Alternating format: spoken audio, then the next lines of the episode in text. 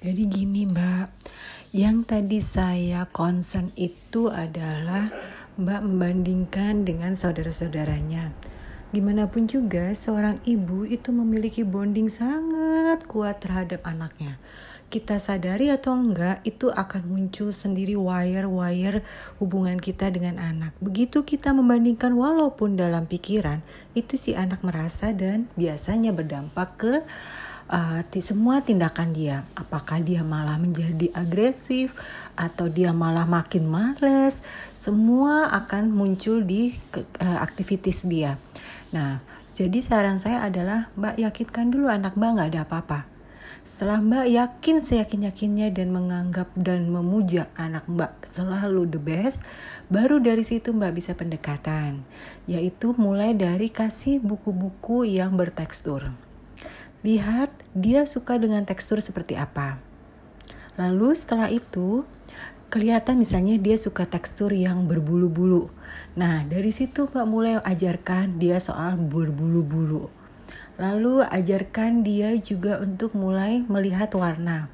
Ambil buku-buku yang berwarna-warni tunjukkan warna apa yang dia suka selalu yang kayak gitu. Jadi dilakukan interaktif bukan bicara asal bicara tapi bicara yang interaktif yang membuat dia menjadi makin se sehat mainnya Nah dari situ dia akhirnya menemukan oh inilah dunia saya, ibu saya segalanya. Nah baru kita bisa mulai mengajarkan dia uh, hal-hal lainnya seperti misalnya agama, ajak dia sholat atau terus misalnya kita juga ajarkan dia uh, memasak. Kalau kita lagi memasak, ajak dia memasak, kasih tahu soal masak. Tapi ditanya, kamu kira-kira suka nggak kalau kasih wortel? Kamu kira-kira suka nggak ya kalau dikasih uh, minyak yang banyak? Jangan boleh dia mengangguk atau menggeleng. Biarkan dia bilang mau. Itu dulu. Terus sampai dia jawab mau, tidak, mau, tidak, mau, tidak. Nanti akhirnya dia lama-lama bilang saya mau itu. Itu biasanya langkahnya seperti itu.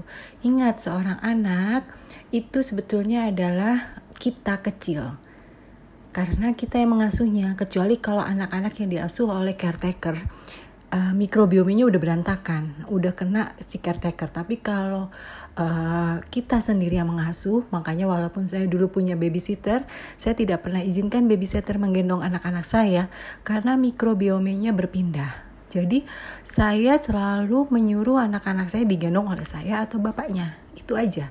Nah sekarang yuk pelan-pelan kita rubah mulai kasih uh, aktivitas berbicara bukan dengan ngobrol, bukan, bukan juga dengan mbak yang ngomong aja, bukan, tapi interaktif.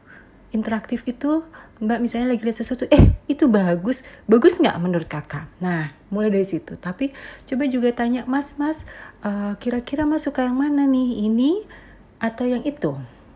Biarkan dia memilih. Kalau dia lama memilih, sabar kita harus siapkan waktu sangat banyak untuk anak-anak yang seperti ini. Ya, selamat mencoba.